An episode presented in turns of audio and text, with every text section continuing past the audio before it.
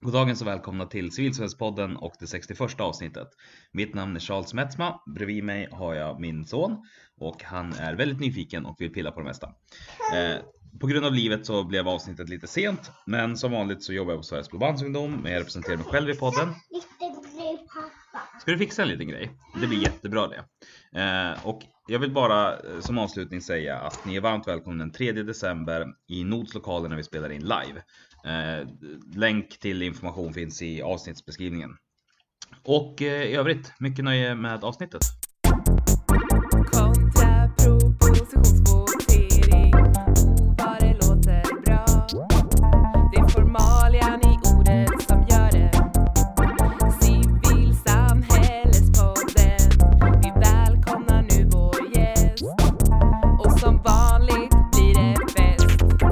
Idag sitter jag här tillsammans med Max Hortanainen som är förbundsordförande för Svenska e-sportsförbundet och vice ordförande för Sverok. Goddagens! God dag.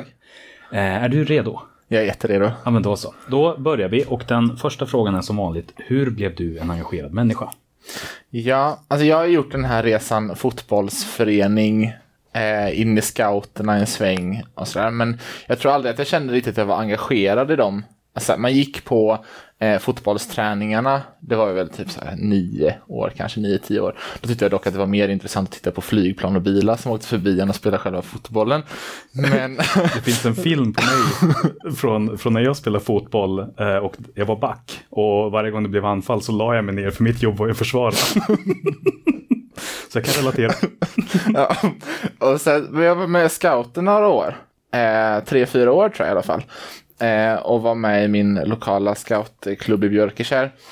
Eh, men sen när man var tvungen att börja liksom ta ansvar och bli någon form av ledare, då hoppade jag av. Mm. Eh, för jag tror inte att det där kändes som att jag riktigt var scout, utan tyckte det var nice att åka på läger bara.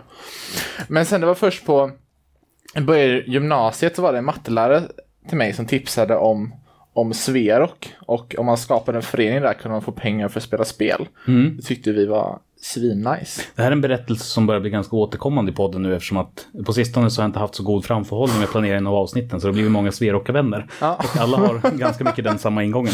Men det, men det var så. Eh, och han hade någonstans sett att ja, men i vårt kompisgäng så spelades ganska mycket spel och han tyckte väl att det, ja, men då borde ni göra någonting med det här.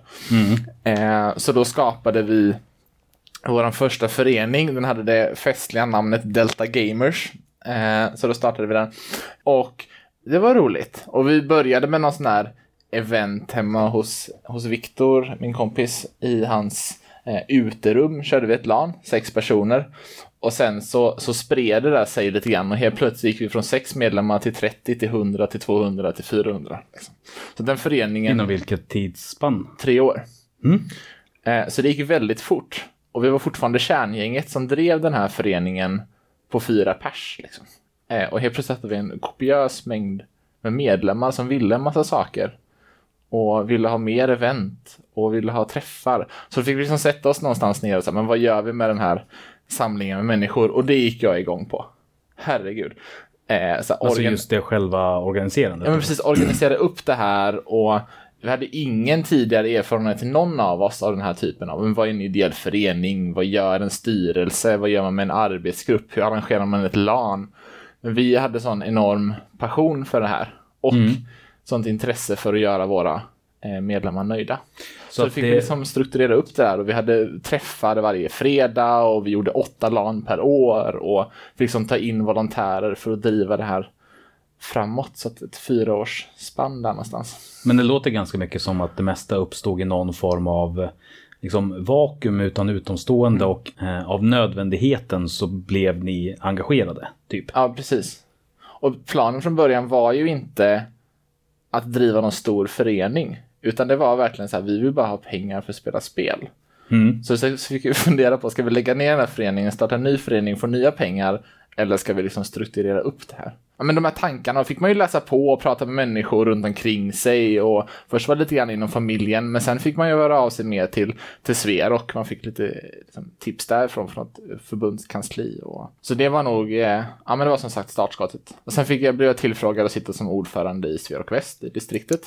Det blir också lite inslängd. Så här, ordförande i ett distrikt utan erfarenhet tidigare. Mm. Det är också väldigt roligt. Helt plötsligt har man ansvar för inte bara ett län, utan två. Så, Västra Götaland och Halland. Och liksom driva den verksamheten framåt. Och jag hade ingen aning om vad jag gjorde på mitt första styrelsemöte. Som tur hade jag en, en kollega, den fantastiska Martin, som liksom guidade mig igenom det här lite grann. Så, så här har vi gjort tidigare. Men jag, jag tror att när jag fick frågan också, eller tillträdde som ordförande, att jag ska göra det här på mitt sätt. Att så här, jag var ganska, hade en ganska tydlig bild av att så här, men så här ska man, så här drivs en styrelse framåt och det här gör man i en förening. Jag tänkte så där ska jag inte göra. Utan jag ska göra det på mitt sätt. Men inom lagliga ramar någonstans och inom mm. något form av, av någon tidigare struktur. Men inte vara inne i den här, då tyckte jag nog så här, den byråkratifasen. Liksom. Där vill jag inte vara, utan jag vill, eh, jag vill bygga en organisation eh, på mina villkor Mm. och sätta min egna prägel på det. Så det har jag ju både gjort i föreningen och i, i Sverok Väst tror jag. Eh, och sen eh, så blev jag också tillfrågad att sitta som eh, ordförande i Svenska e-sportförbundet. Där har jag suttit i två år nu nästan. Och sen tillträdde jag som vice ordförande i Sverok i november förra året, så är det ett år. Men, men en spontan fråga som dyker upp här nu då. Ja. Eh, för vi ska ju prata om hur det är att vara ordförande i en styrelse och liksom ordförandens roll i att leda styrelse och liknande. Mm. Har du någonsin haft ett förtroendeuppdrag som inte har ordet ordförande i sig? Ja, bra fråga. Nej, tror jag inte. Nej, det är spännande. Ett halvår var jag kassör. Ja, men då, det räknas. Men sen eh, blev det inte så mycket mer, så då tillträdde jag som ordförande och gjorde ett sånt byte i mitten av året. Ja. Eh, Men det låter ju ganska passande ändå eftersom att det vi ska prata om då är som sagt liksom hur är det att vara ordförande? Vad innebär det? Liksom hur kan jag eh, både praktiskt leda min styrelse men också Ja, jag vet inte riktigt vad frågorna är utan det får vi lite grann utforska. Men jag kände att på något sätt så just det här med att leda en styrelse, det vill jag ha ett samtal om. Och jag trodde att du var en bra person för det när jag hörde av mig. Eh, Men det visade sig att du var bättre än vad jag trodde. Men, men jag tänker att vi kan börja med i liksom någonting som du sa i förbifarten där. Att eh, just det här med att du ville göra på ditt eget sätt, inte på det sättet som alla andra sa att du skulle göra det på. Eh, gå mer in på skillnaderna de två emellan och vad det var du gjorde och varför det kändes mer rätt. Men jag har alltid någonstans haft inställningen att jag ska göra det här för att jag tycker att det är kul. Alltså så är det generellt med allting jag gör, vare sig det är mina förtroendeuppdrag eller om det är med jobb eller här. Och det finns ju sina fördelar och nackdelar med det såklart. Ibland måste man göra saker man tycker är tråkigt, men jag är ganska dålig på att göra tråkiga saker. Men ehm, så jag, jag, till en början tror jag inte att jag lyssnade på någon. Liksom. Att så här, I något läge någonsin. nej men precis, det var inte så jädra bra. Eh, för att jag tänkte, men det finns ingen så här, jag kommer bli förfärgad liksom. Men man märkte ganska snabbt att det där går inte. Alltså, det, och jag lärde mig ganska snabbt att det bästa sättet att styra en styrelse är någonstans att låta alla säga vad de tycker och tänker. Det här tog lång tid för mig att komma fram till. Kanske ja, det är bara senaste förra året eller för förra året någonting. Där jag insåg att så här, ja men låt alla säga vad de tycker först. Sen kan du själv som ordförande, för att du har någonstans ett övergripande ansvar för organisationen och en liten inblick, inblick överallt. Medan kassören har bara ekonomin och eh, sekreteraren har eh, protokoll och allt sånt som jag inte har koll på alls själv. du hör ju. eh, De gör någonting och det har med papper att göra. allt med bokstäver. Eh, Du börjar måla upp bilden av dig själv som en ordförande-typ. Eller den människotyp som jag eh, kallar vissa människor. Som, som inte är negativt menat, nej. endast. Nej men alltså man har ändå ett st- någonstans ja, men i, när organisationen blir lite större ett strategiskt ansvar och ett långsiktigt ansvar också som ordförande.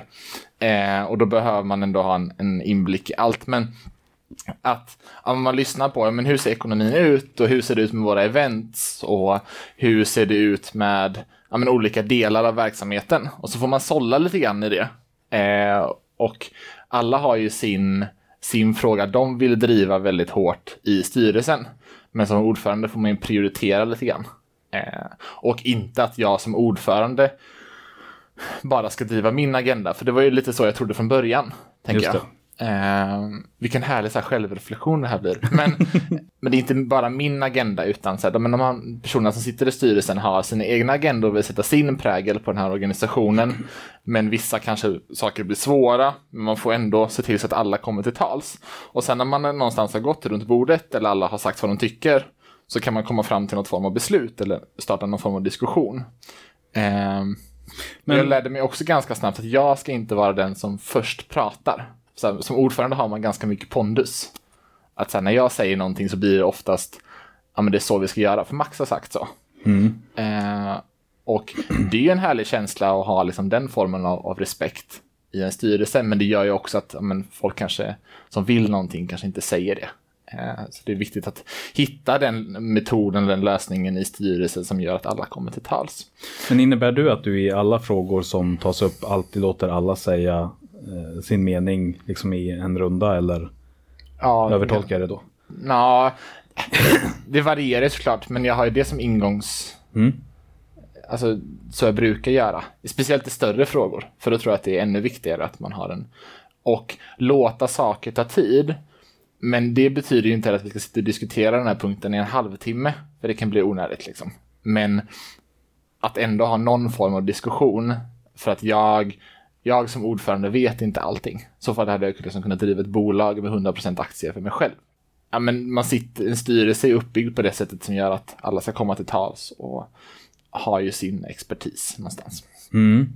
Men, men vad, vad har du upplevt för praktisk skillnad av då att prata sist? Eller blir det någon, för jag tycker också att eh, det är en ganska generell smart regel. Men, men det kan ju också landa i att det blir lite mer att man sitter och tjuvhåller på rätt svar. Så, ja, men först får ni säga vad ni tycker och sen kommer jag med facit. Ja. Om man lägger upp det på fel sätt. Ja, men till viss del kan det bli så. Men jag tror också, har också märkt i vissa tillfällen att folk säger saker som jag inte ens har tänkt på. Mm. Att så här, jag ska inte uttrycka mig om vad sekreterare gör. Liksom, för att uppenbarligen har jag inte stenkoll på vad mina kollegor gör. Men den personen har ändå sin expertis och då kan jag inte heller tänka vad som är rätt i frågor som rör en, en sekreterarposition. Liksom. Nej. Ehm, men i vissa fall, om man liksom har det strategiska, så kanske man vet vad som är bäst för organisationen, spe- en specifik fråga. Men eh, jag tror att det är dumt att inte lyssna in. Liksom. Och det som, man kan ju lyssna in det som är relevant. Liksom. Är det bara en ekonomisk fråga så kanske det inte är... Ja, man får sålla lite grann också. Men, men svar på din fråga tror jag att så här, absolut lyssna och jag tror inte att det handlar om att ha facit i hand. Jag tror att de fallen när man kanske inte får in någon input så får man bara inse att jag får ingen input i den här frågan. Då får jag ta ett beslut eh, som, är, som är relevant. Men jag tror att i många fall så kommer det fram saker som man aldrig har tänkt på innan. För att folk har sitt expertis. Liksom. Men, men där snubblar vi in på någonting som också var spännande som också en sån här grej som, som jag i alla fall upplevt att jag mer och mer har lärt mig med tiden. Det vill säga att bara känna av, eh, även om det finns liksom skrivet, det här är ditt mandat, det här är ditt område, här får du fatta beslut. Så är det fortfarande väldigt mycket eh, en fråga om känsla för att veta när har jag mandat att fatta ett beslut? Eller när, när måste jag fråga styrelsen och när kan jag välja? Hur gör du för att, för att känna det? Eller har du någon annan mer, någon bättre metod än källa-känsla? Alltså, det beror lite grann på organisation. Alltså det är en jädra skillnad att driva en, en liten före- lokalförening som vi var från början med, eh, med Pink Orange som föreningen heter nu. Där vi var liksom 30 medlemmar.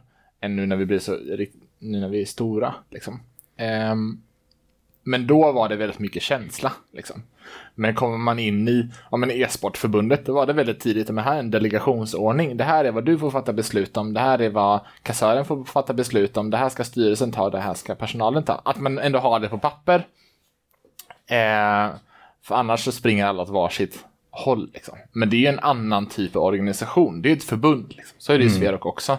Alltså, vissa personer får fatta vissa beslut och vissa beslut får de inte fatta alls. Eh, Men, men även när man har sånt nedskrivet så är det ju väldigt sällan som det är heltäckande.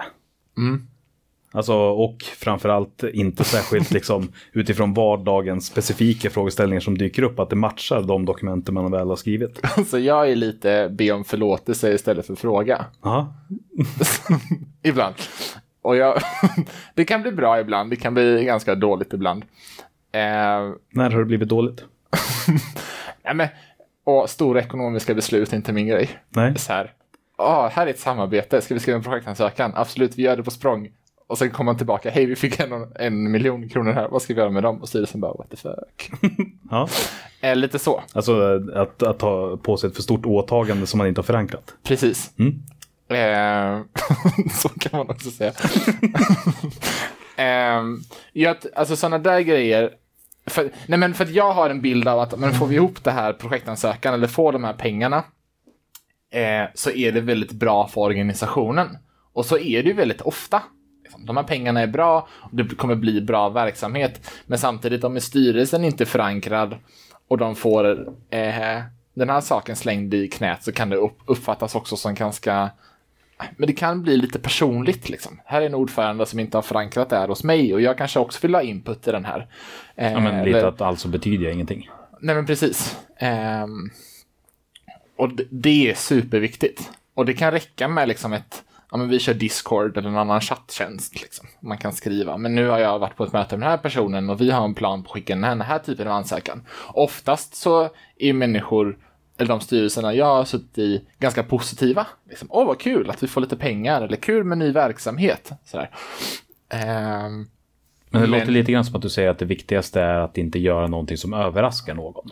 Ja, ja precis. Alltså överraskad kommer det alltid bli när de säger att vi har fått en miljon kronor. Ja, Men, men- men, eller vi planerar att skicka in någonting för en, en ansökan för en miljon kronor. Men eh, jag tror att det handlar nog om hur stor överraskningen är. Ja. Att så här, Och vilken del av det som är en överraskning. Alltså, fick vi pengarna eller inte? Eller Ja. va? Har vi ens sökt pengar? ja, precis. Mm. Och jag tror att sen den kontinuerliga uppdateringen är väldigt viktig. Jag har varit på det här mötet, eller jag har gjort den här saken. Men det tänker jag igen gäller generellt i en styrelse. Eh, annars blir det, på alla mina styrelsemöten så har vi en punkt som, har hänt, som heter hänt sedan förra mötet. Mm. Och den punkten kan ju bli fruktansvärt lång om man inte har den här kontinuerliga uppdateringen. Jag har varit på det här mötet eller jag har pratat med den här personen. Liksom. Nej, för idag finns det ju ändå ganska goda möjligheter att ha en kontinuerlig Mm. liksom, kommunikation som inte bara sker i styrelserummet. Mm. På ett sätt som jag kan tänka mig var lite svårt eh, för 50 år sedan. Att man liksom Och den där, det där är också, precis. Det där är också en balansgång. Mm. Att så här, hur mycket ska jag rapportera och hur mycket har jag i mitt... Alltså kommer vi tillbaka till mandatfrågan. Mm. Så här, vi har en, en delegationsordning här som säger att Max ska göra de här sakerna. Eller kassören ska göra de här sakerna. Hur mycket behöver jag då förankra? Egentligen? För det står på det här pappret att jag ska göra alla de här sakerna. Eh, och hur mycket av min arbetstid ska jag lägga på att rapportera? Liksom? Hur mycket ska jag egentligen fokusera på att göra? Mm. Eh, och den är svår tycker jag. Men den skiljer väl sig väldigt mycket från gång till gång. Alltså jag tänker att just den här eh, att olika människor behöver ju olika mycket för att inte få de här negativa överraskningarna. Alltså, och på olika sätt ofta också. Och man vill ju inte heller ha eh, liksom en, en Facebook-chatt som lever hela tiden. För ska man vara borta två dagar så har man missat 2752 meddelanden. Liksom. Mm. För att det, det är så mycket information och det kan man ju aldrig läsa i kapp. Liksom. Och då kan man bli, alltså, så här, då kan man ju missa information. Ja, det blir ingen gräns mellan livet som förtroendevald och livet. Nej, precis. Eh, och där gäller det att hitta en balans och den tror jag är väldigt individuell från styrelse till styrelse. Är det en väldigt aktiv styrelse som gör väldigt mycket, då tror jag det finns en poäng i att ha kontinuerlig uppdatering ganska ofta. Liksom. Men är det långa strategiska styrelser som kanske är mer på förbundsnivå, då är det mer, ja men då pratar vi per styrelsemöte och det kanske är sex gånger per år. Liksom. Eh, och är det något riktigt, riktigt stort så i Sverok har vi ju ett, ett verkställande utskott av ledningsgruppsmöten. Det är så första någonstans sållningen innan det kommer upp till styrelsen. Eh, vilka beslut, och det styr ju liksom vad vi får ta för typer av, av beslut. Eh, vissa saker av de här behöver inte komma upp till styrelsen. Det som inte är jättelångt och strategiskt kanske inte måste komma upp till styrelsen. Medan om man är i en liten förening så finns det en poäng i att alltid lyfta allting i styrelsen för att alla ska hänga med. liksom. Ja, men är man en så pass liten förening att liksom mer eller mindre föreningen är styrelsen, då finns det ju ingen gräns mellan vad som är operativt och strategiskt liksom, på styrelsens bord. Nej, men precis. Ja, nej men alltså det, det, gör, det gör diskussionen också lite svår, för det beror ju helt på vilken typ av, av organisation man är. Mm. Eh, men när man börjar se tendenser till att folk slutar läsa i chatten eller eh, blir ganska inaktiva så brukar det ibland vara ett tecken på att det är för mycket. Liksom. Eh, och då tycker jag att det finns en, en poäng i att lyfta det på nästa styrelsemöte. Vad tycker ni är relevant att vi lyfter i den här chatten? Och vilka typer av beslut får vi ta? Och vilka beslut får vi inte ta? Liksom? Och vilka typer av rapporter ska vi lägga fram? Liksom. Men, men där tycker jag ju ändå att du sätter fingret på någonting, eh, även om du inte sa det på det sättet, men just det här att det också är viktigt att att hela tiden variera sig utifrån vilken styrelse man har och att ha en kontinuerlig dialog eh, kring liksom formerna och förutsättningarna för arbetet. Men jag läste också in lite grann i det du sa att det på något sätt är ordförandens ansvar att se till att den där dialogen hålls igång. Tolkar jag det rätt då? Ja, jo absolut. Eller? Självreflektionen här är, jo, jo men alltså som ordförande har du ändå ett ansvar. Jag ser det lite grann som att ordförande har ansvar för styrelsen och någonstans eh, den övergripande verksamheten. Jag tror att det är, och så, på så sätt så, så har du ju rätt. Eh, men jag tror också att det finns, det här, den här ansvarsfrågan är också väldigt intressant att diskutera och högst relevant att, att lyfta i här. Alltså vilket ansvar har man egentligen som ordförande? Alltså man kan ta på sig mycket ansvar som helst. Folk blir bara glada om du tar på dig ansvar och gör saker. Liksom.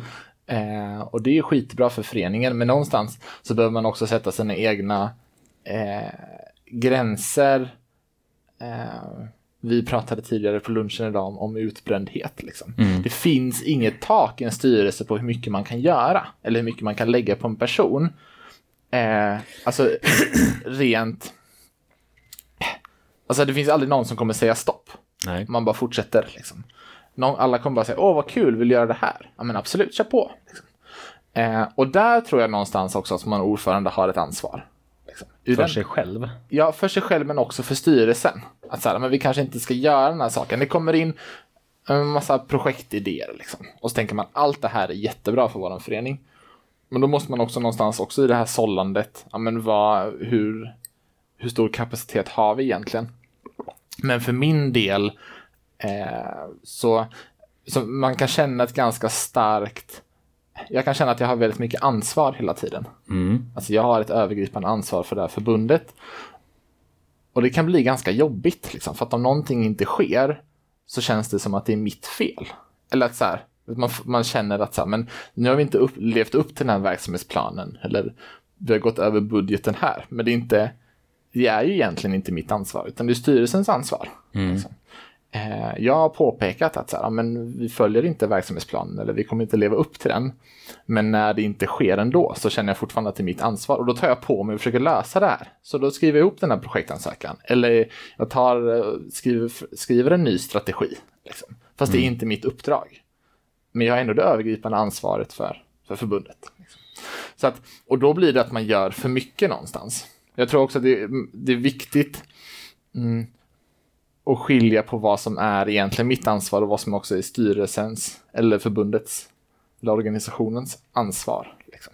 Precis, vad är de liksom formella förväntningarna och vilka förväntningar lägger jag på mig själv? Lite grann. Sen visst, när jag lägger alldeles för höga förväntningar på mig själv, så är det ju. Eh, men jag tror bara för att man har ett övergripande ansvar så är det inte bara ditt ansvar, eh, eller mitt ansvar för den delen, att det ska bli gjort. Liksom. Utan det är ju styrelsen. Sen är det ju mitt ansvar att se till så att det här fördelas ut på ett proportionerligt sätt, så att inte kassören får allt. Liksom. Eh, men det är en jättesvår balans. Mm, nej, det, det var många olika, du är ansvarig, jag är ansvarig fram och tillbaka där, så jag vet inte riktigt om jag hängde med själv ens en gång. Nej, men jag tror att... Nej, Alltså, men, men jag håller med dig att det är en Ja. knepig grej. Eh, men jag tror också att det, det återigen liksom landar tillbaka i att det är viktigt att liksom ha den dialogen.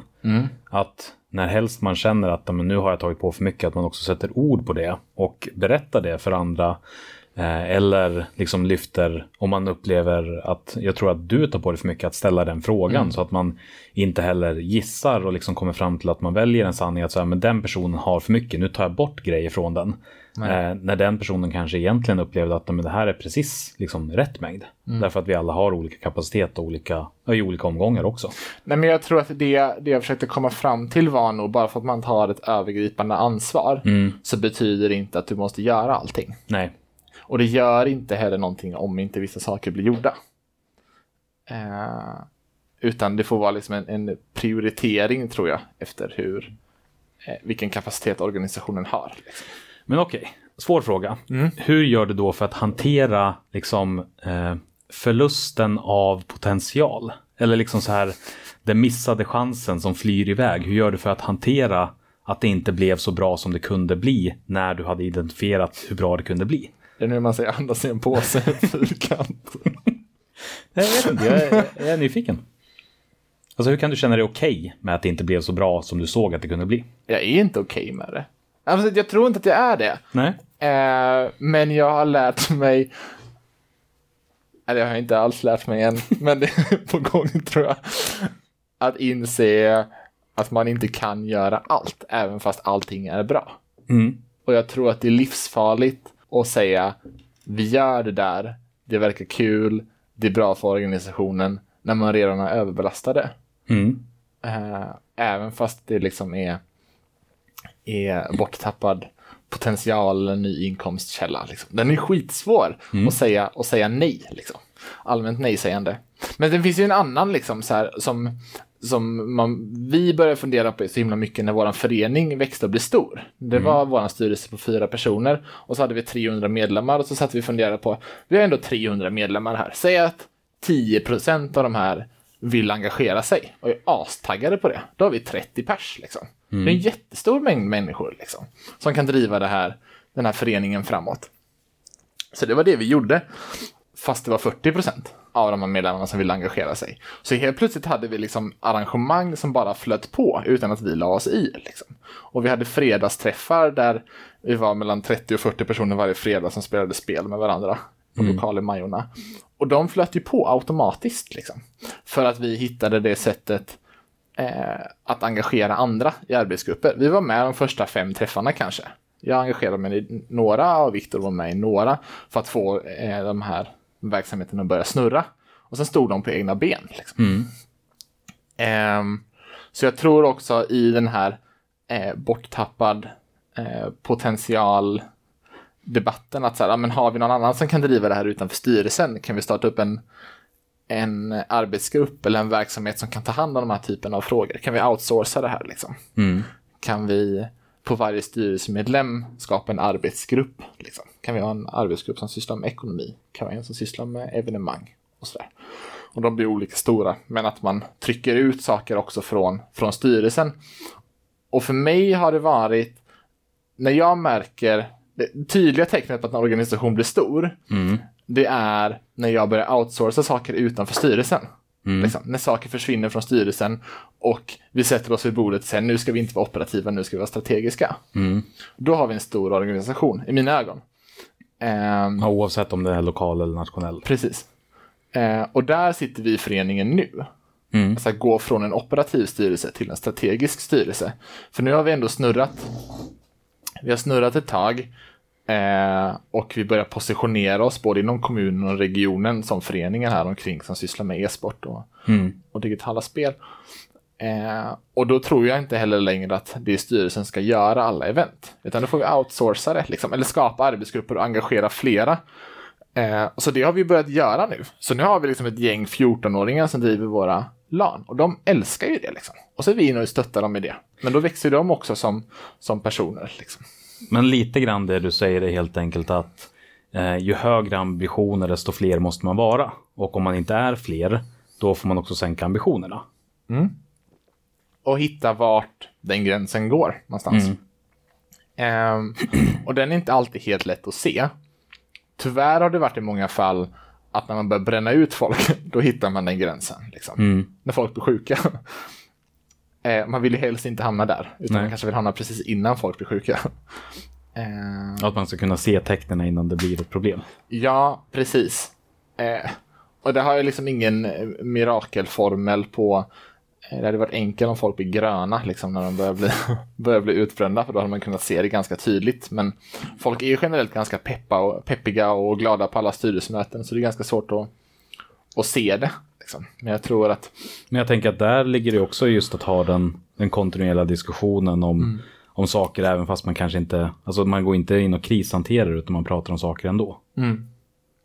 Nej, men liksom också se organisationens begränsningar. Liksom. Vare sig det är en liten förening eller ett stort förbund. Liksom. Vad, är, vad kan vi göra? Vad är bra för våra medlemmar? Och vad gör vi för att vi tycker att det är, är kul? Liksom. Utifrån samtalet idag så tycker jag ändå att det liksom på något sätt målar upp sig två olika spår. Eh, om man kan säga det så som vad en ordförande pysslar med.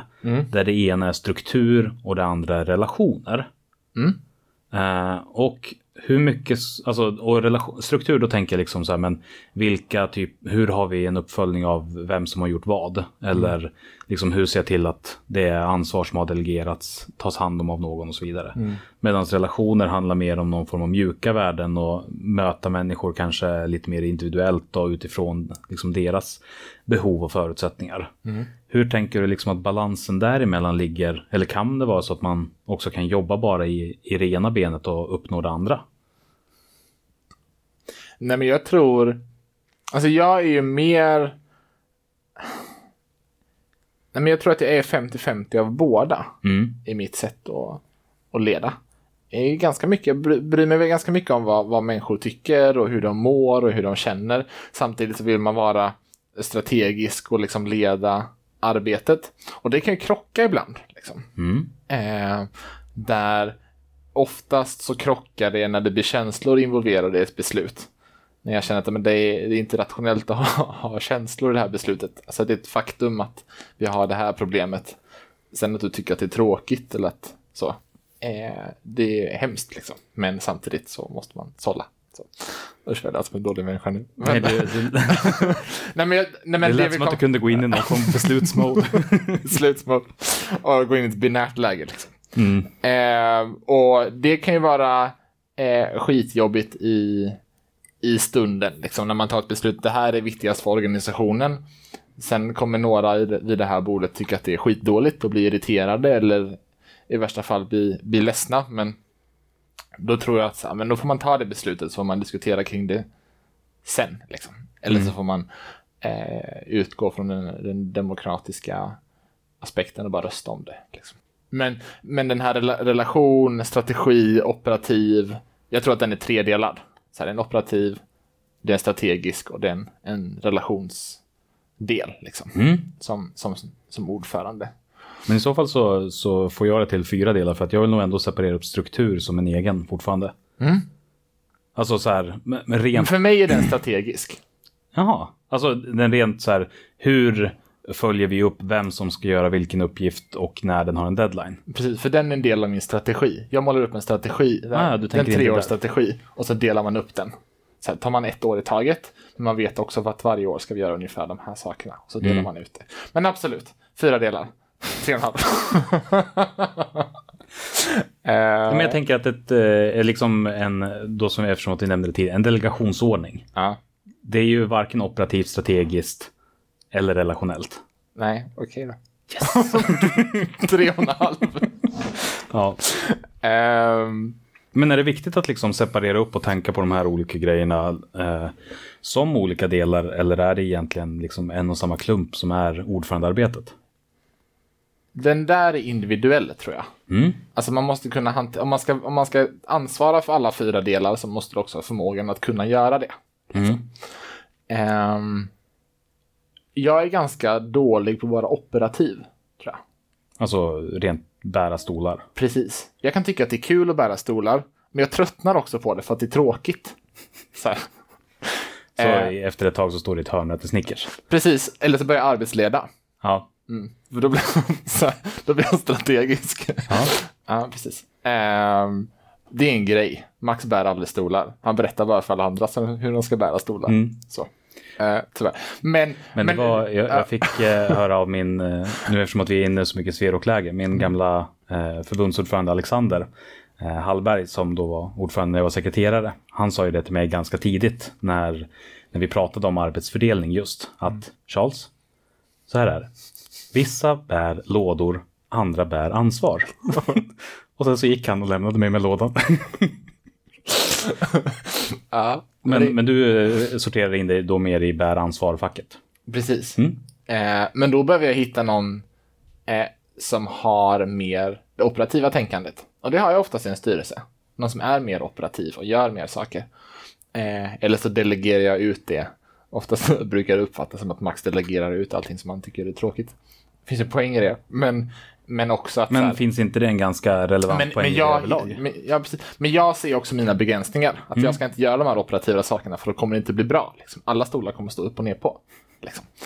Men, och jag tror att här, om, man, om man inte är en relationsperson utan man är en operativ och kanske mer strategisk, då behöver man ha någon i styrelsen som är mer en, en relationsperson, en vice ordförande till exempel, som petar en lite grann i sidan och säger nu sa du någonting som var lite opassande här. Mm. Nu förstår jag att du var strategisk, men du kanske skulle lagt fram det på ett annat sätt. Att man hela tiden har den, eller se till så att alla i styrelsen mår bra. Eh, så jag tror att de här fyra delarna är generellt viktiga i en styrelse. Liksom. Det operativa, det strategiska, eh, vad har vi sagt mer? Den relationella strukturen. Precis. Eh, att det liksom genomsyrar egentligen en hel styrelse. Mm. Ehm, Men... Kanske, jag jag får jättedålig självkänsla nu plötsligt för att det här känns som ett område som folk måste ha delat upp och liksom gjort forskning på hur man faktiskt delar upp det. Men, men den här spontana indelningen känns väldigt bra spontant ändå. Så att jag, ja. Det är en bra indelning. Vi, sen, men jag tror att, nej men som sagt, att alla de här fyra delarna eh, behövs. Mm. Men om man som ordförande inte har förmågan eller förstår att men jag, kan inte göra de här fyra delarna så behövs det vara någon annan i styrelsen som, Mm. som kan det. Liksom. Nej, men Ehm. det, det där kan jag verkligen hålla med om. Just det här att det handlar om att identifiera. För att om jag tittar på mig själv så tycker jag väldigt mycket om att vara i struktur och jag tycker väldigt mycket om att vara i strategi. Eh, men jag tycker också om eh, operativt när det är det läget, men inte liksom som en del av styrelsen utan kanske mer på ett event. Men, men jag, därför ser jag också alltid till att det finns någon annan som är ansvarig för de bitarna som jag inte liksom kommer sig så naturligt. Jag kan göra dem, men det tar liksom emot. Nej, och jag tror att det där är en del av ordförandeuppdraget också. Och det är inte någonting man bara vaknar upp och får en uppenbarelse av, av valfri gud, att så här, men det här är mina begränsningar. Men det, det lär man sig efter, efterhand. Liksom. Men det jag inte klarar av måste jag delegera ut till någon annan. Jag kan inte tro att så här, men det är mitt ansvar, utan det finns alltid någon annan som tycker att det är, det är, är kul. Liksom. Men Jag- också göra valet, är det här någonting som jag vill bli bättre på eller ska jag alltid se till att någon annan gör det? Ja, men så här, jag har ju haft den stora förmånen två gånger att bygga min egen styrelse från grunden. Liksom, i ett, på ett konstituerande årsmöte. Liksom. Jag vill ha med dig i min styrelse, jag vill ha med dig i min styrelse. Första gången blev det inte så jävla bra, då drog jag med mig alla mina kompisar. Liksom. Mm. Eh, men den andra gången, när vi ombildade eh, föreningen till det som blev Pink Orange nu, då startade vi gjorde faktiskt en ny förening av det. Flyttade över allting. För vi ville göra en, en clean slate. Liksom. Men då hade jag också eh, förmånen att bygga min egen styrelse. Och då var det verkligen så att jag behöver någon som täcker upp det operativa. Jag behöver någon som täcker upp det ekonomiska, för det har jag ingen koll på heller. Jag behöver någon som täcker upp sekreterarrollen, för det kan jag uppenbarligen inte heller. Att så här, täcka de områdena som jag själv, och då hade jag någonstans sett mina begränsningar. Ja, Men en annan sak som jag då tänker på lite grann, det är väl just den här, eh, vad ska man kalla den? Eh, man har ju också ansvaret att vara ansiktet utåt i de allra flesta fall, eller åtminstone förväntan av det. Eh, och hur förhåller du dig till att vara det här liksom personifierandet av organisationen utan att gå för långt så att du sen får svårt att lämna över till någon annan som liksom inte kan fylla de skorna eller vara exakt du för att den förväntan finns där. Nu var det en väldigt, väldigt ledande fråga, kände jag. jag älskar att vara min egen organisation. Mm. Det gillar jag. Ehm, och den är svår. Ehm, för att det är ju någonstans när man är ute och jag föreläser så himla mycket Eh, och man åker ut på event och man är på någon, någon mässa och då är man ju alltid ordförande i, i, Pink Orange eller man är ordförande i, i e-sportförbundet. Eh, man, man blir väldigt mycket organisationen och det kan göra att det blir svårt att lämna över.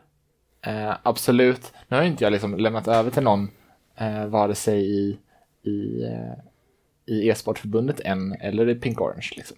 Men Men har du varit ordförande från start i Pink Orange till nu? Ja. Mm.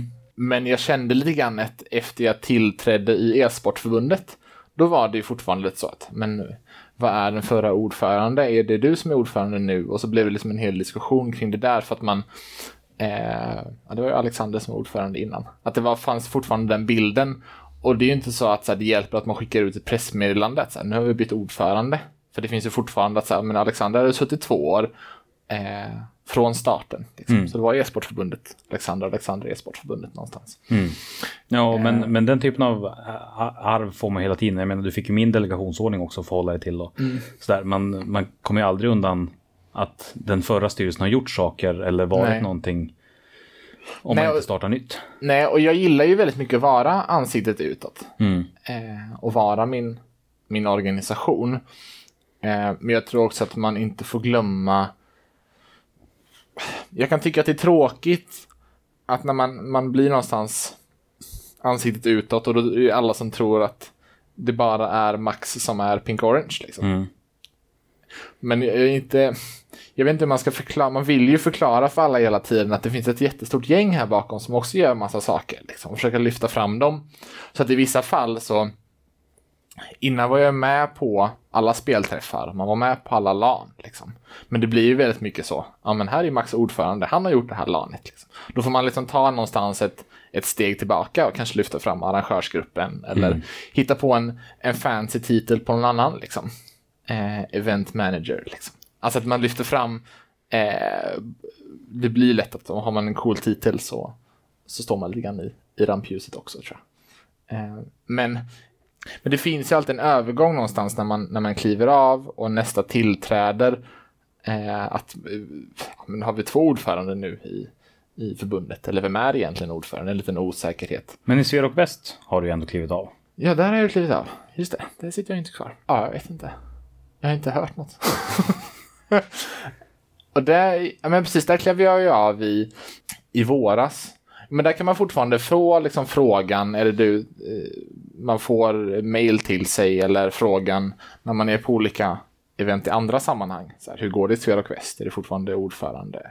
Men Jag tror också att det finns en bild, för den frågan får man ganska ofta. Så här, är det fortfarande ordförande? Ehm, så jag tror hos vissa, hos ganska många så finns det ändå så här, men eh, är det du fortfarande att den ligger kvar? Eh, För att man vet att ibland så byts ordförande ut ganska flitigt liksom. Så börjar man med att, förklara det. Liksom. Men Men, men på något sätt så tycker jag att det låter som att du ändå beskriver någon form av gå in hela vägen, gör dig själv synonym med organisationen och sen när det väl är dags klipp.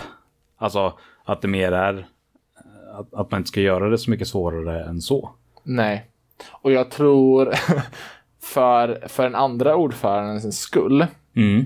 Så tror jag att rent utåt eller för liksom, inom, inom organisationen, klipp hårt. Liksom. Klipp snabbt. Liksom. Svara inte på små korta frågor från någon. Nej men precis, gör det jädrigt tydligt.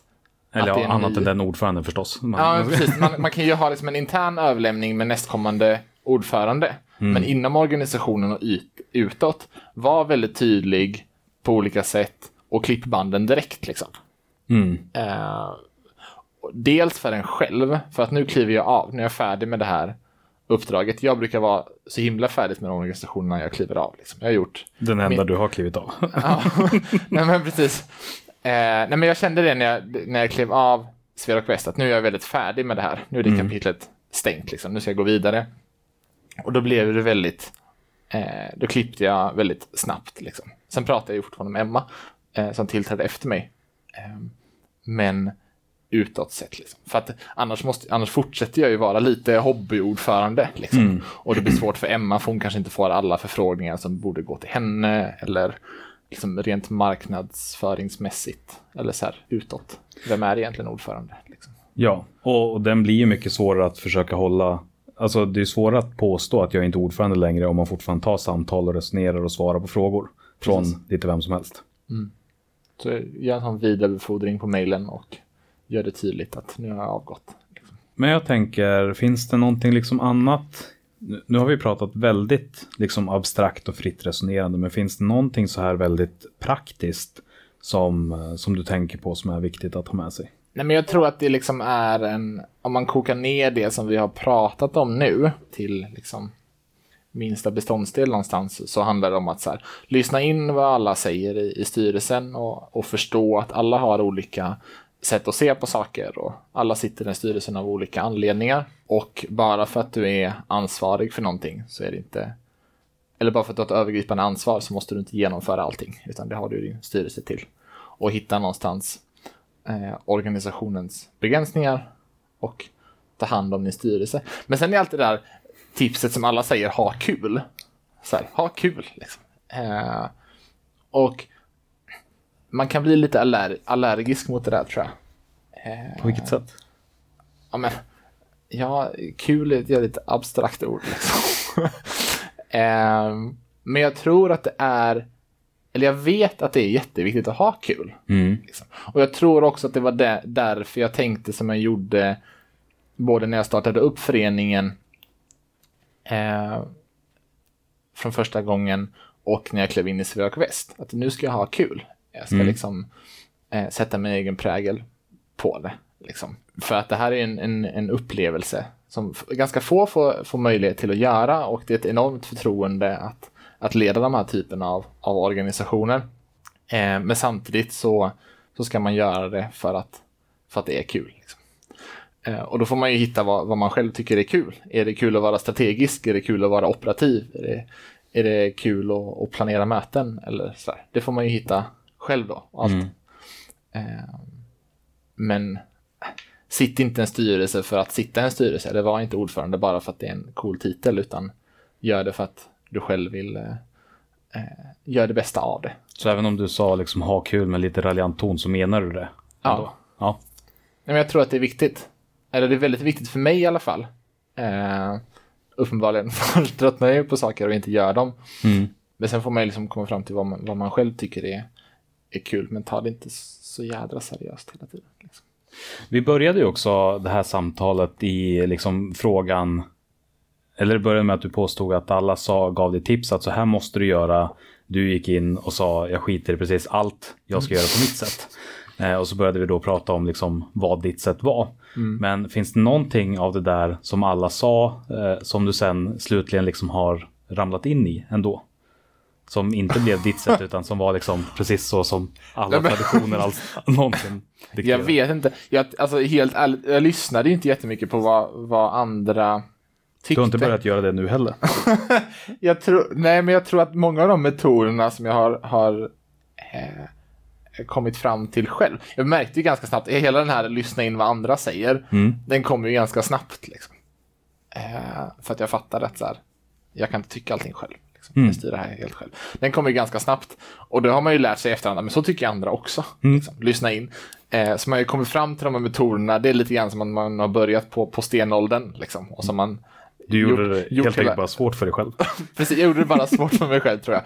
Men jag tror också att så här, ja, men man har den här, den här skålen, här är lite tärningar liksom, Mm. eh, på bordet.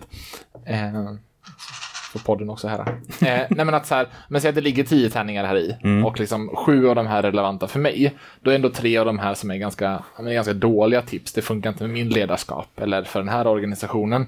Men hade jag lyssnat på dem eh, så kanske det inte hade blivit så bra. Liksom. Eller tre som var bra och sju som var dåliga.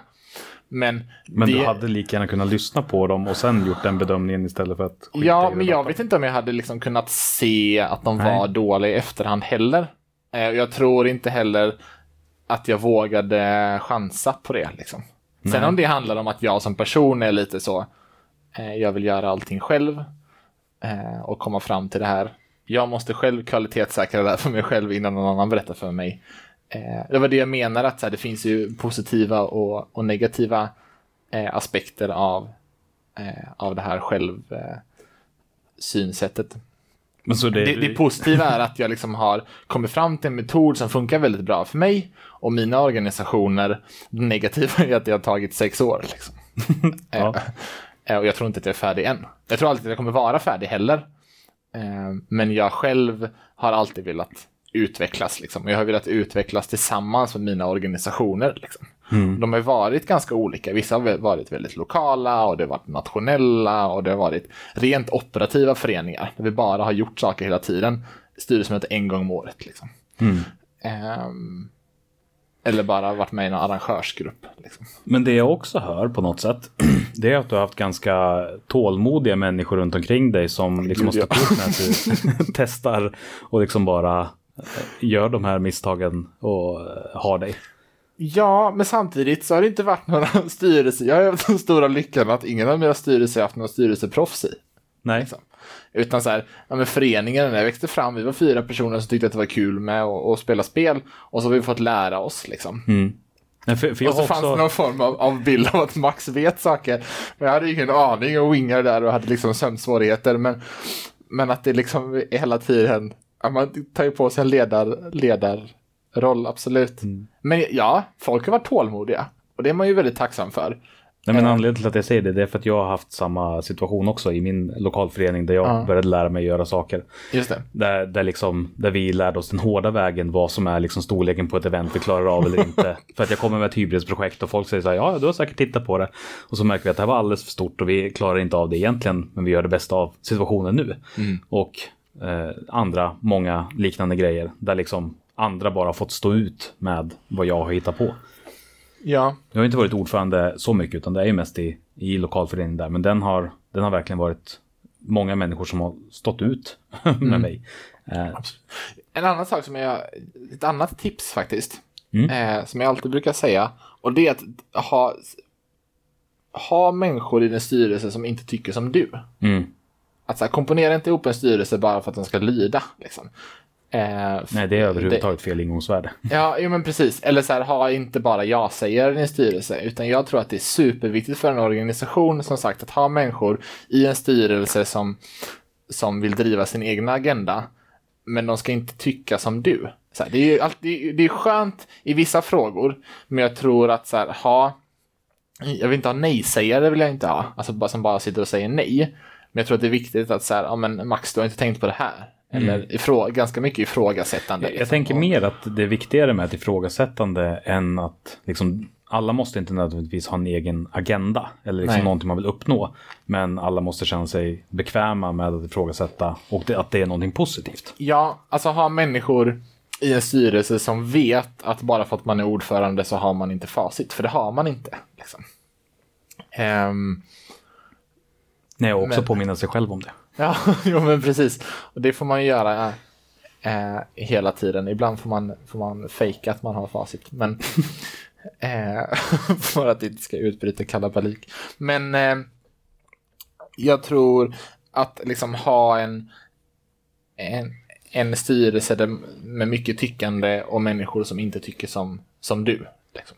Eh, också då, eh, men också på något sätt som ordförande så måste du lägga upp eh, ett di- diskussionsklimat i din styrelse på styrelsemöten där det är okej att vara kritisk. Liksom. Eller vara ifrågasättande.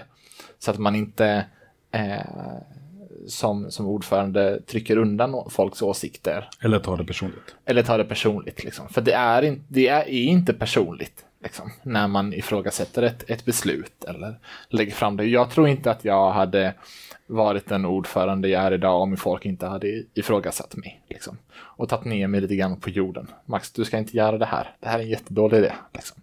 Ehm, och de här projekten som du snackar om, liksom hybrisprojekten. Mm. Alltså att nu ska vi göra ett event för, nu överdriver jag katastrofalt, men vi ska göra ett event för 10 000 personer. Liksom.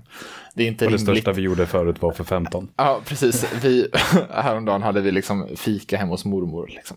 Att, eh, men vi kanske ska göra ett, ett event för 800 personer. Det kanske vi har full kapacitet till. Liksom. Att det klivet är, är mer rimligt. Liksom. Eh, nu tror jag inte att det går från 15 till 800 är rimligt heller, men att man, man skalar ner det ganska ordentligt och så plockar man ur de godbitarna ur det hybrisprojektet. Liksom. Och så applicerar man det på någonting mindre. Och sen kan man låta, låta det växa över tid. Liksom. Om man fortfarande då inser att, man, att det var många människor man ville ha på eventet när man Ja. inser skillnaden mellan 15 personer där man kan prata med alla och ha det ganska mysigt eller 100 där man faktiskt blir arrangör. sätt. Precis.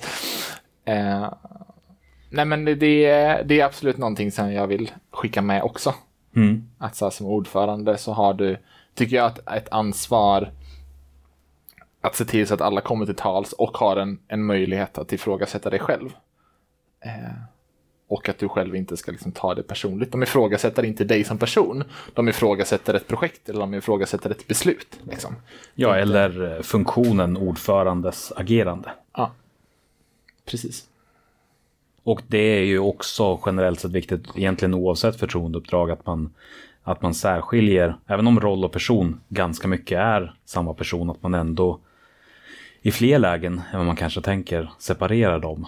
Om inte annat för att skydda sig själv och liksom personen. Ja, men absolut.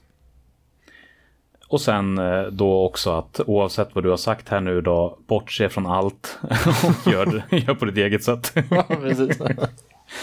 Men en, en sista grej, sån, som, sån grej som jag vill ta upp som, eh, som är väldigt praktisk. Ja. Det som gjorde eh, enormt stor skillnad för mig som ordförande var när jag kom i kontakt med Sverox metod för liksom, det som kallas för uppdragslistan.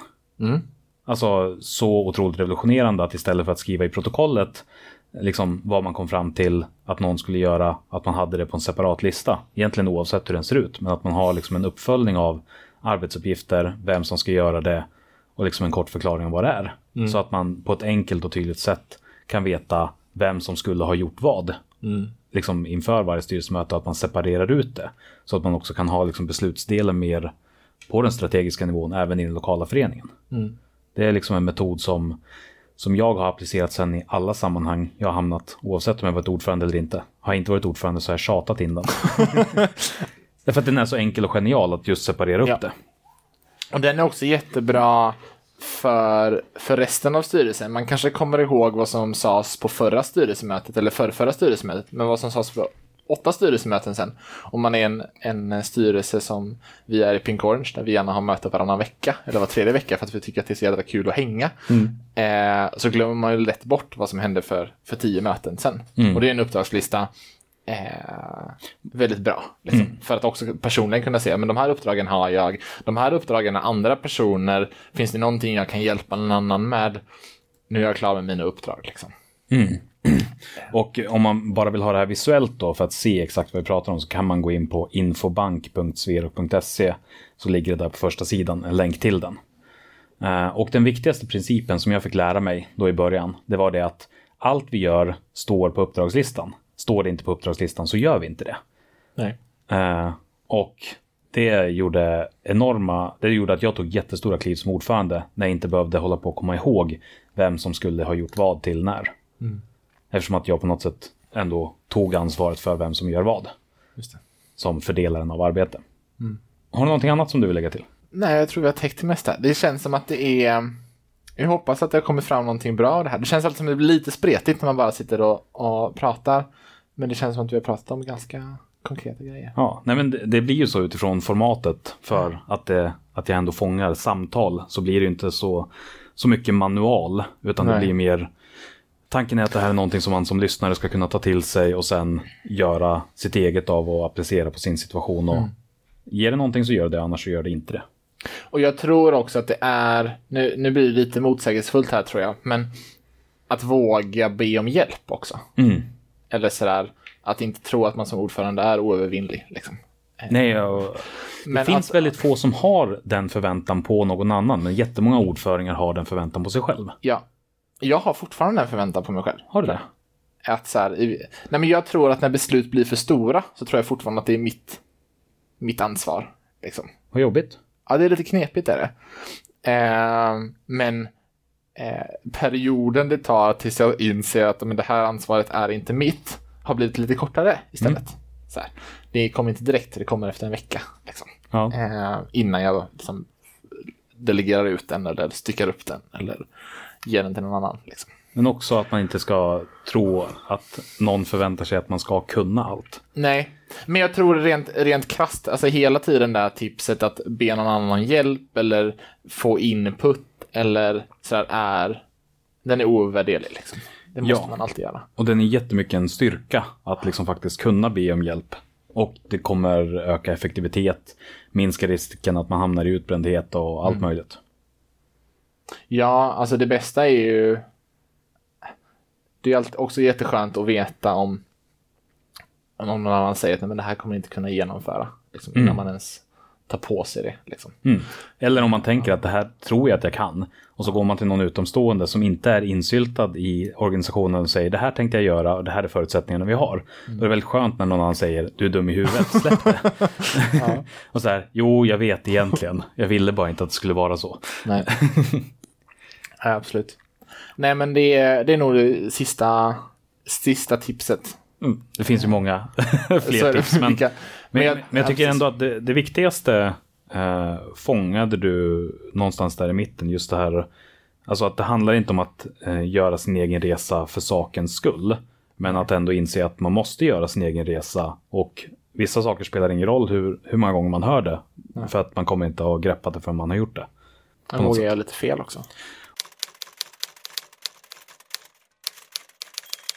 Och på tal om det, så får du nu berätta om någonting som du är stolt över, någonting som du har misslyckats med, men vi spenderar inte tiden för att gotta oss i liksom vad du har missat, utan snarare för att försöka klämma in en lärdom till. Vilken ordning som helst, du väljer själv. Nej, men jag vill nog börja med det som jag är, är stolt över. Och jag tror att det liksom är... Jag tror att det är hela den här resan jag har gjort. Mm. Liksom, Den är jag jävligt stolt över. Och jag tror, det är inte förrän nu på, på senare tid. Eh, jag började när jag var, var 14, liksom. nu är jag 23, fyllde jag förra veckan.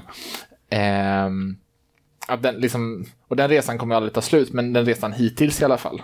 Också att jag börjat reflektera över den och eh, Det är tillräckligt långt för att du ska kunna titta bak och säga att någonting har hänt. Precis, det är ändå nio år. Eh, eh, nej men att jag, men jag är ganska stolt över att jag börjar inse mina egna begränsningar och att jag kan, liksom kan föra de former av resonemang eh, mot mig själv. Att liksom diskutera med mig själv. Det är ganska skönt. Och sen tycker jag att alltid den här är så svårt, ett, ett, eh, ett misslyckande. Ja, jo, jag har alltid samma. Eh, Jag kan ta den igen. Jag gjorde ett event eh, för några år sedan, två, tre år sedan. Alla andra tycker att det blir ganska bra. Jag tycker att det var ett jättestort misslyckande. Det var nog mest för att jag brände ut mig själv. Ehm, men det var, det var ett hybris-event var det. Mm. Eh, med alldeles för stor budget. Eh, och för mycket pengar i rullians. Och du, alltså så här, vi, vi siktade på de här 800 eh, personerna. Det kom 350. Det är ganska bra. Men jag tänkte ju att vi ska ha 800. Så att jag hela tiden kämpade liksom. Ehm, Hade ni en för liten projektorganisation för det projektet helt enkelt då eller? Ja, precis. Och folk hoppade av och istället för att tillsätta nya så tog jag på mig deras ansvar. Och det här gjorde jag på ideell tid. Eh, samtidigt som en pluggare. Tyckte jag var en bra idé. Eh, så att, och den största lärdomen jag fick från, eh, från det är eh, både att hitta, liksom se mina egna begränsningar ehm, och eh, göra, for, göra eh, projekt eller event eh, rimliga. Liksom. Eh, och vem gör vi eventet för? Liksom? Är det de här 350 deltagarna eller är det för att det ska synas utåt att det har varit 800 deltagare på ett event? Liksom? Och det var en kompis till mig som sa att men nu, nu är det två dagar in i eventet, ni är 350 deltagare. Fokusera inte på att liksom fylla ännu mer utan se till att göra det bästa eh, av det. Liksom. Nu har du 350 pers här som förväntar sig ett, ett schysst event. Mm. Eh, men då var, det var för lite personal och för liten organisation och för mycket ansvar på få personer. Liksom. Och när du säger att du brände ut dig så, så menar du det liksom i bokstavlig mening, inte bara som ett... Ja, fyra generellt- månader. Mm. Blev jag sängliggande. Liksom. Det var inte kul. Nej. Ehm, så det kan... Ja. Och det, och det kom någonstans när jag slappnade av. Eller så här, när eventet var slut. Jag la mig ner. Så reste jag mig aldrig upp på fyra månader. Det Mm. lät jättehårt. Men så var det. Mm. Ehm, och liksom hoppade av plugget och allting. Liksom. Mm. Det var inte förrän efter, efter sommaren då. Och ledigheten där som jag var tillbaka. Liksom. Och jag kan fortfarande liksom så här flera år senare när man pratar om det här eventet så får man lite skakningar. Liksom. Och jag Mm. tror inte att det är för eventet i sig utan vad det, vad det innebar för mig. Liksom. Mm. Ja, men jag, jag, har precis, jag kan väldigt mycket relatera till den känslan för att jag har exakt samma liksom, känsla. Vi hade ju också ett hybrisprojekt, men det var aldrig så stort eller så jobbigt att jag liksom faktiskt blev utbränd, utan det resulterade bara i att jag hatade liksom, föreningen i ett halvår, ville inte vara där, men i övrigt fungerade jag bra. Men så fort den liksom fortfarande kommer på tal så liksom blir det lite den här, men li, lite så här harhjärta, lite darrläpp och Nej, ökade känslor. och det har nog också, nu börjar jag komma över det lite grann, men det har också gjort att jag aldrig kan tänka mig göra ett stort event igen. Mm. Alltså jag vill inte göra den här typen av event. Men det finns andra runt omkring mig som tycker att föreningen ska göra det här. Men jag vill inte. Mm. Eh, för att jag tror inte att, vi kommer, att det kommer bli bra. Eller man får fortfarande lite hjärtklappningar. Liksom. Mm. Men nu börjar vi liksom skala upp de eventen vi har till den storleken. Liksom. Men det växer organiskt snarare än att göra det här jätteskuttet. Precis, och jag är inte involverad. Eh, det är skönt. Ja. eh, ja. Men då så, i så fall får jag tacka dig så jättemycket Max för att du var med och delade med dig. Tack så mycket för att jag fick vara här. Jättekul.